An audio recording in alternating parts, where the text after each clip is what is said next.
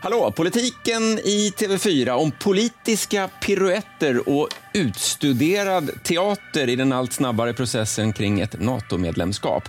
Vi pratar om Perssons elddop och vem är det som ror båten egentligen? Inte bara käbbel idag. Du ska veta hut när du är här. Punkt. Fru talman, nu har Ulf Kristersson fått allt om bakfoten. Vem är jobbar brun? med högerpopulistiska Vem partier. är brun? Det här handlar om Sveriges bästa. Det här handlar inte om Annie Lööf. We shall overcome. Ta en krampaus. Håll truten på dig Carl Bildt. Det är bara du, käbbel. eh, Det är bara käbbel. kan du- Det är bara käbbel.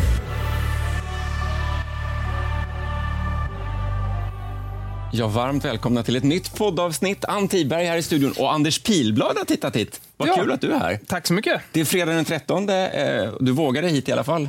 Du Ja. är inte vidske- vidskeplig kanske. Nej, men Ulf är väl det eftersom han inte vågar sig hit. Ja. Men jag vågar i varje fall. Men några nycklar på bordet kommer jag inte lägga i varje fall. Så pass vidskeplig är jag ändå. Har vi tid, Ann, i dessa dagar att vara vidskepliga eller är det liksom, hör det till det förgångna? Tänk, att den här säkerhetspolitiska analysen om Nato kommer ju idag och eh, jag tror den någonstans är den väl en besvärjelse den också. Ja. Eh, ni kan höra av er till er, eh, oss om ni vill, inte bara tjabbel tv4.se. Idéer, uppslag, feedback kanske. Eh, välkomna eh, till dagens avsnitt. Vi pratar naturligtvis mycket om Nato idag. Eh, det har nog aldrig varit så mycket Nato i det här landet som det är just nu, även i vårt grannland Finland. Eh, och det är få, får vi väl säga, som inte tagit ställning an och som inte deklarerat sin ståndpunkt. Ja, det är få, men det är väldigt tydligt var de befinner sig som inte har deklarerat, deklarerat sin stånd, ståndpunkt. Det är fredagen den 13 Ja, i någon det. mening. Va? Det går inte ens att prata. och de som inte har gjort det är, är nämligen den socialdemokratiska regeringen. Där är det dödstyst om vad man tycker. Och, och det här tycker jag då ut, är en, en sorts eh, utstuderad politisk teater. För alla vet ju vad även eh, regeringen tycker i den här frågan. Att det här kommer att landa, var det här kommer, till sist kommer att landa. Eh, Var det bättre som man gjorde i Finland och där Sanna Marin eh, gick ut tydligt och sa att hon var för att Finland skulle gå med och sen har ju fortfarande inte hennes parti eh, deklarerat var de står. Ja, var det man, bättre? kan, man kan fundera över saker. Man kan säga, de har ju också spelat teater. Jag är helt övertygad om att Finlands president har velat gå med i Nato hela tiden. Han kommer från ett parti där det har varit viktigt och en viktig fråga.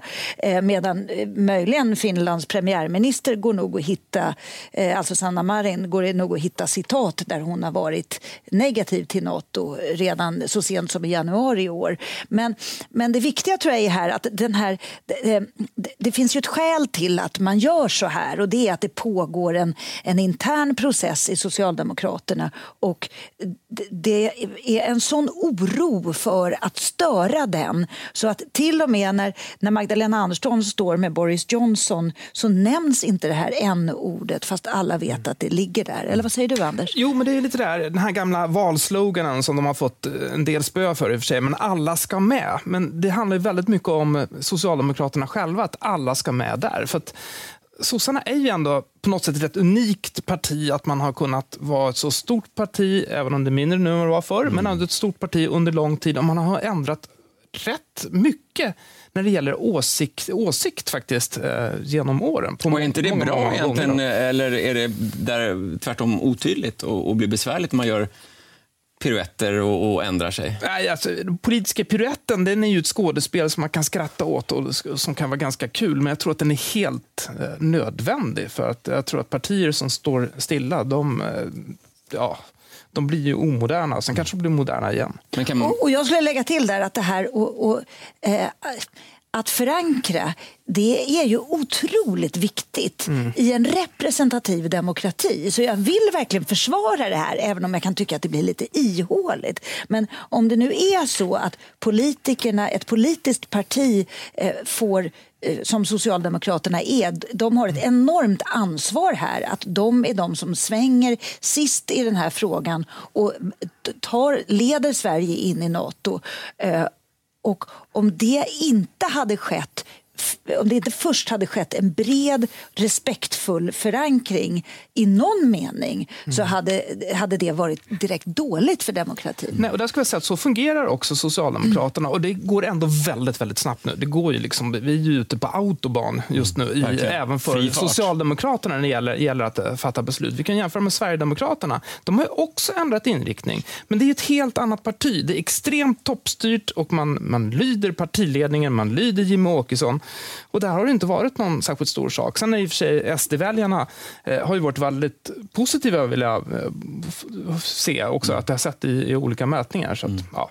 Men den högst ansvarige försvarsministern har ju också på något vis ändrat under den här processen, också rätt snabbt ändrat ståndpunkt. Ja, eller? det tycker jag man ändå får säga. Där kan vi snacka politiska piruetter. Nu är det så här att Peter Hultqvist är ju en rätt populär minister. Eh, En del borgerliga politiker brukar säga att eh, han är den bästa försvarsminister som de borgerliga aldrig har haft. För det har ju som hänt saker som väldigt många borgerliga polit- politiker har gillat.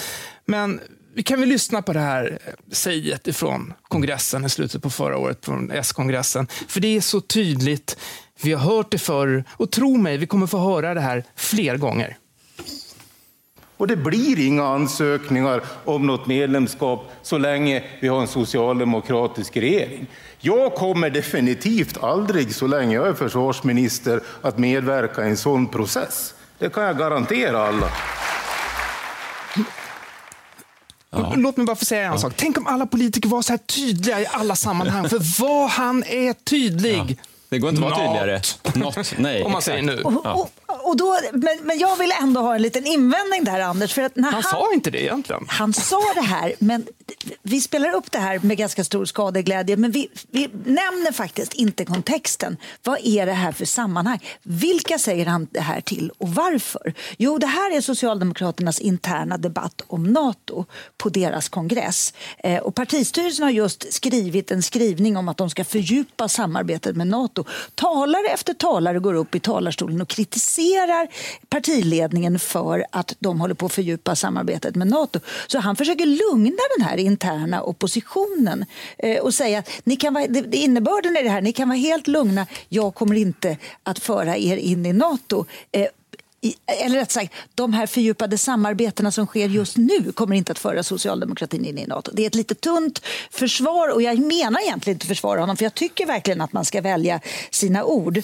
Eh, men han hade faktiskt inte kunnat förutse i det där läget att Putin skulle invadera Ukraina. Det är sant, det är sant. Men du har också intervjuat Peter Hultqvist. Ibland så får man ju inte ur honom riktigt vad, vad han tycker i olika frågor. Men här är han ju så otroligt tydlig. Ja. Får man ändå ge honom. Men en som, som jag tycker är nästan sitter ännu värre här än vad han gör. För jag, jag, tycker ändå att, jag tycker att det är lite orättvist att inte berätta om kontexten, vad som händer runt omkring det här. Sen tycker jag kanske att han kunde ha varit Ett försvarstal lite... för försvarsministern Jag försvarar lite försvarsministern, men Magdalena Andersson har lite faktiskt svårare att klara sig med det som hon sa den 8 mars. Lyssna på det här.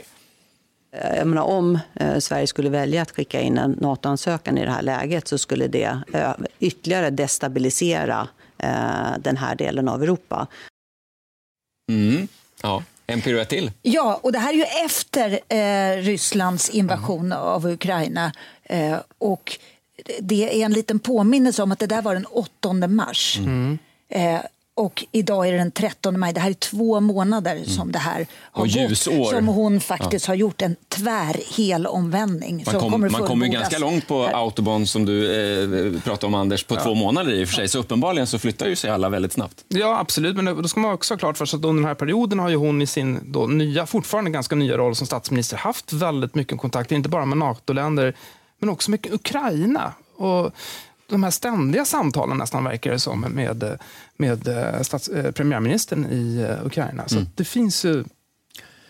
Det är ju rätt mycket som har hänt Men- tiden. Absolut, absolut. Men nu, pusselbitarna börjar ju falla på plats med den här säkerhetsanalysen. Finland har i någon mån deklarerat, i alla fall just nu när vi spelar in, även om det här kan vara inaktuellt och förändras imorgon eller om en timme. Ja, Finland kommer inte att ändras. Nej, Finland och kanske inte Sverige heller. Jag vet inte riktigt. Men var, var befinner vi oss nästa vecka när vi sitter här och gör en ny podd?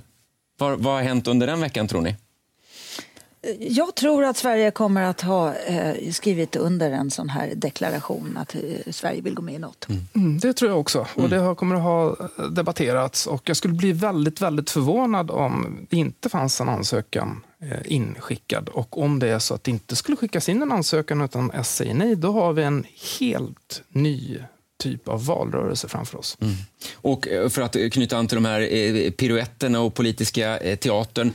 Är det någon som tar skada då? För om man nu är så tydlig som Peter Hultqvist var i höstas, får han Får han skit för att han faktiskt sa det när, eh, när man nu gör tvärt emot? Där kan man ha olika åsikter. Och, eh, jag har hört flera olika analyser. Han har inte riktigt sagt ännu vad han står i det här. utan Han säger att när partiet har sagt sitt, då ska jag säga vad jag står i den frågan. Jag tror ändå att det finns ett ett högt förtroende för honom ute bland väljarna. Kanske mm. inte bland oss förståsigpåare. Så. Men I den här frågan? Nej, i just den här frågan. Men han så. räddar ju Magdalena Andersson lite ja. där. För att det här är så mycket, ja. mycket svårare att komma undan än det hon säger den 8 mars. Mm. Så hade inte det här funnits så hade, hade fokus varit mycket mer på det som hon har men, sagt. Men om det är så att det han sa under den här möjliga politiska teatern under kongressen, då är det en, en person som verkligen brinner för att Sverige inte ska vara med i Nato under några som helst förutsättningar. Om det verkligen stämmer, ja, då lämnar ju han ju förstås. Ja, ja, precis. Men jag tror inte det. Jag tror att, det, att han har ändrat uppfattning. Där kan jag helt fel, så det är, jag, det är bara min jag känsla. Jag tror som sagt bara att han vill lugna interna kritiker. Vi ska inte glömma att han också skaffat, läste någonstans, sommarstuga i finska skärgården. Mm.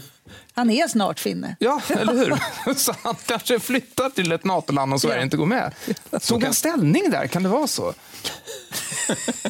Får jag fråga, eftersom vi ändå är ett valår, du var lite inne på det Anders, eh, finns det liksom risk för någon politisk baksmälla eh, nu vad gäller NATO-frågan eh, när vi sen kommer i valrörelsen och väljarna får säga sitt? Nu får ju inte väljarna säga sitt, utan nu är det riksdagen som säger sitt.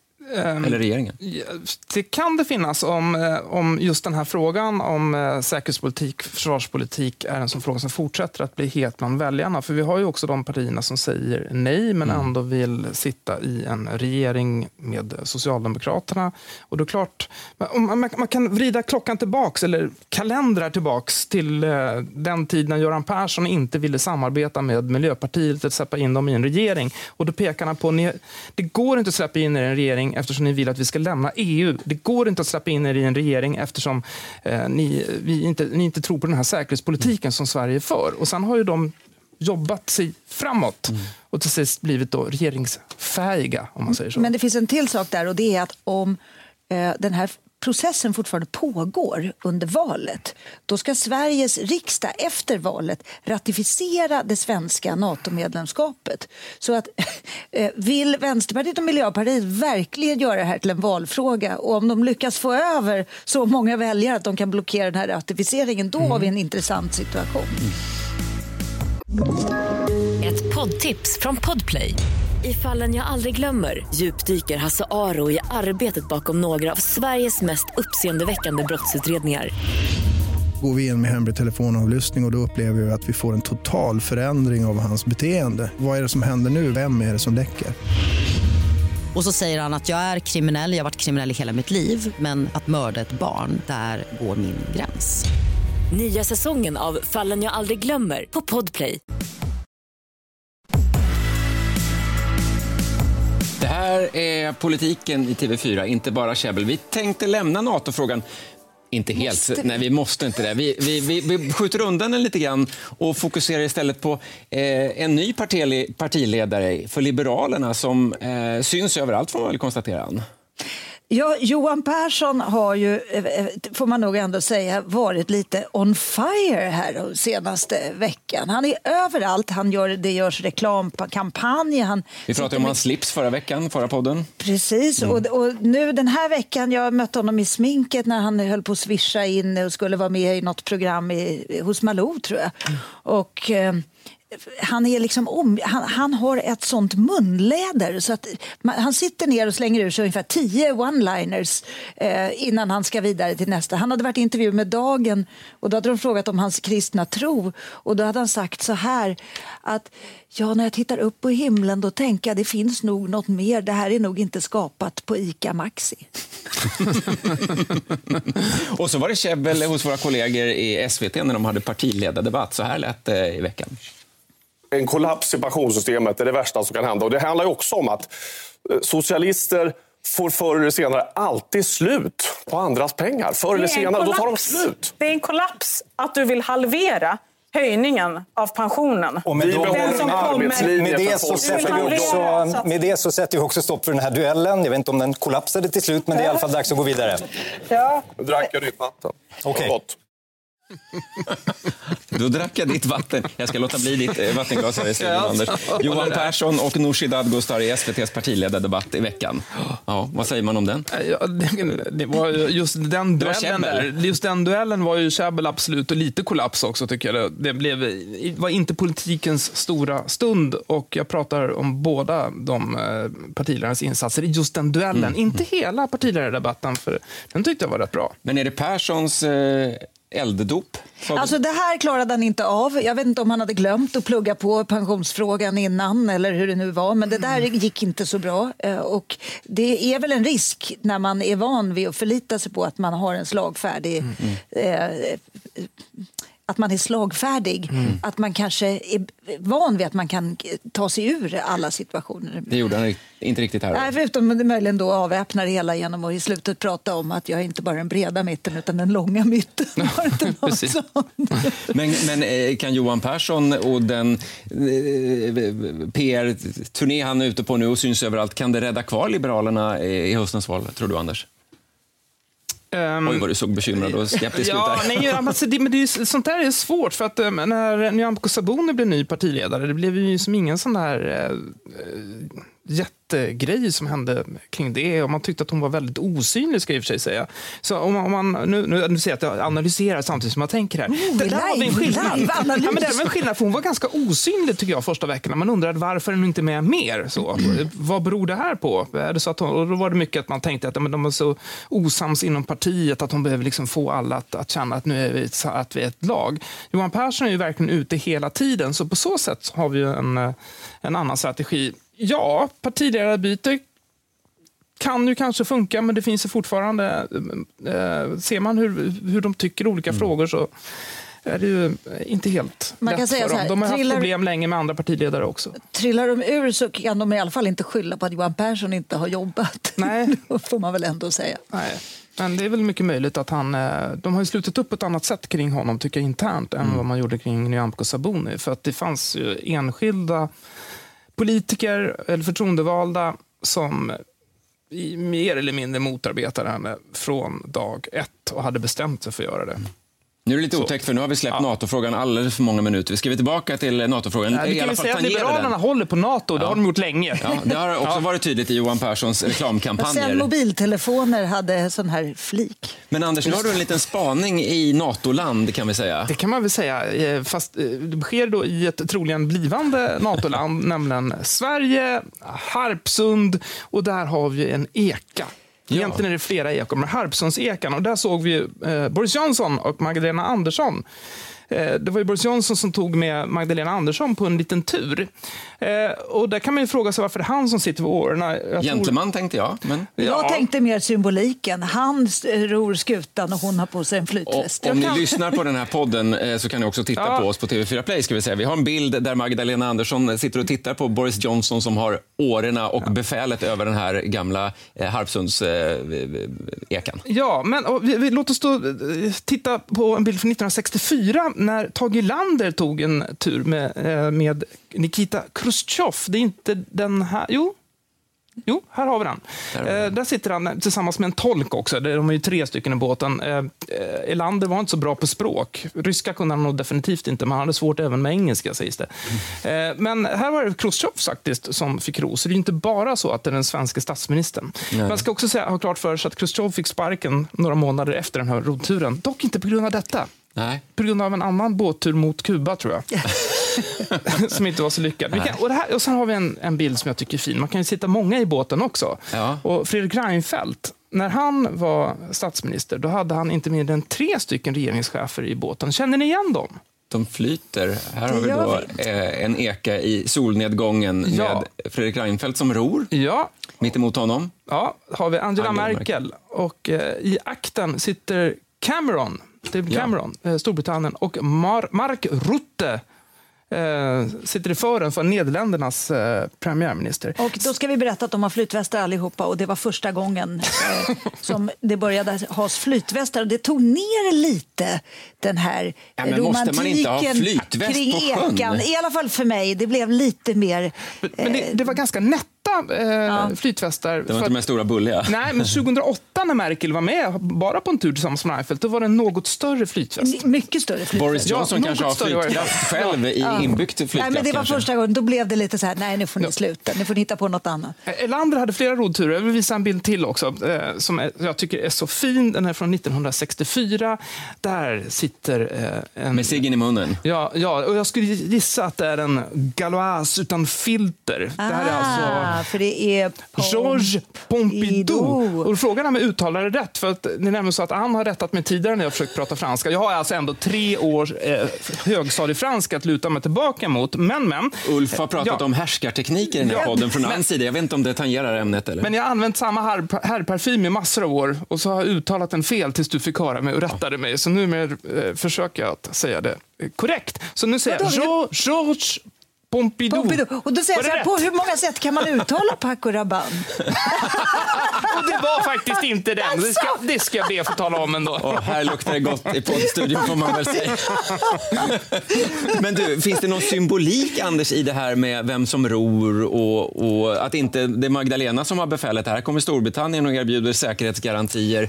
Eh, Kan man dra det så långt eller är det att dra det för långt? Det- Det är en mycket stor symbolik i det här. Nej, det tror jag inte att det är. Det, det finns, eh, finns faktiskt en bild på Olof Palme när han sitter med Willy Brandt i, eh, i en sån här eka. Och på TT-bild så är det, står det att det är Harpsundsekan. Men tittar man på båten, det är en plastbåt. Harpsundsekan är bredvid. Fylld med vatten. De ville väl inte Ja, gå i det var den, därför. Eller ösa den. låg ett öskar i den också. Ja, men den är så här eh, kravellbyggd, tror jag det heter. Här, här Sundseken. ja. Så att eh, den behöver nog tätas och, genom vatten. Och det finns flera stycken.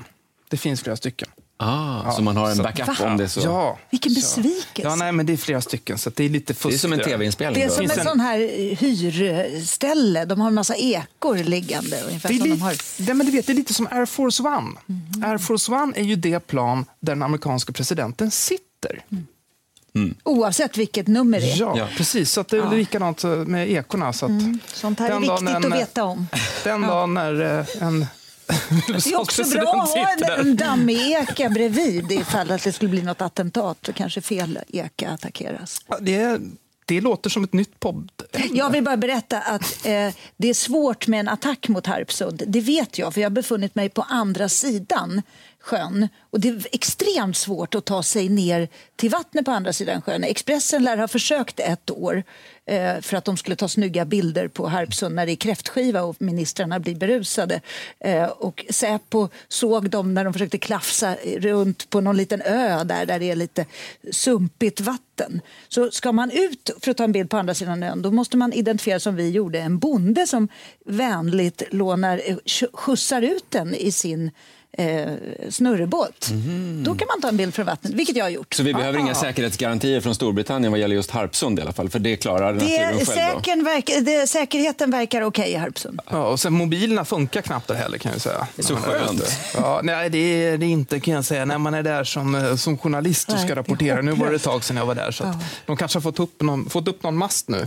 Det Kan tror jag hoppas. inte. Nej, det tror jag inte heller. Anders Pilblad, tack för att du rodde oss i land med dagens poddavsnitt. Tack. Var Och spotta över axeln eh, fredag den 13 också eller någonting. Ja, jag, gör det. Jag behövde inte prata så mycket franska idag så att nu, nu känns det lite lättare faktiskt. Vi andas ut. Ann Tiberg. Vi avslutar med lite franska. Ann Tiberg, Anders Pilblad. Det här är inte bara käbbel. Eh, Och vi finns där poddar finns eller på TV4 Play. Tack för att ni har lyssnat och tittat. Podplay. Poddtips från Podplay. I fallen jag aldrig glömmer djupdyker Hasse Aro i arbetet bakom några av Sveriges mest uppseendeväckande brottsutredningar. Går vi in med hemlig telefonavlyssning och, och då upplever vi att vi får en total förändring av hans beteende. Vad är det som händer nu? Vem är det som läcker? Och så säger han att jag är kriminell, jag har varit kriminell i hela mitt liv men att mörda ett barn, där går min gräns. Nya säsongen av Fallen jag aldrig glömmer på Podplay.